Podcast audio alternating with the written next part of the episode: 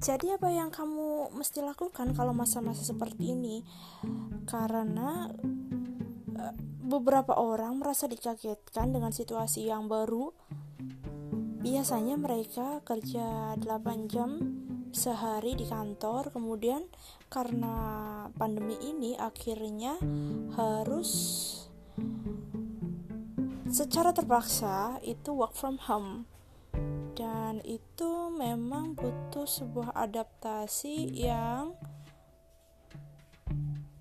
gak gampang.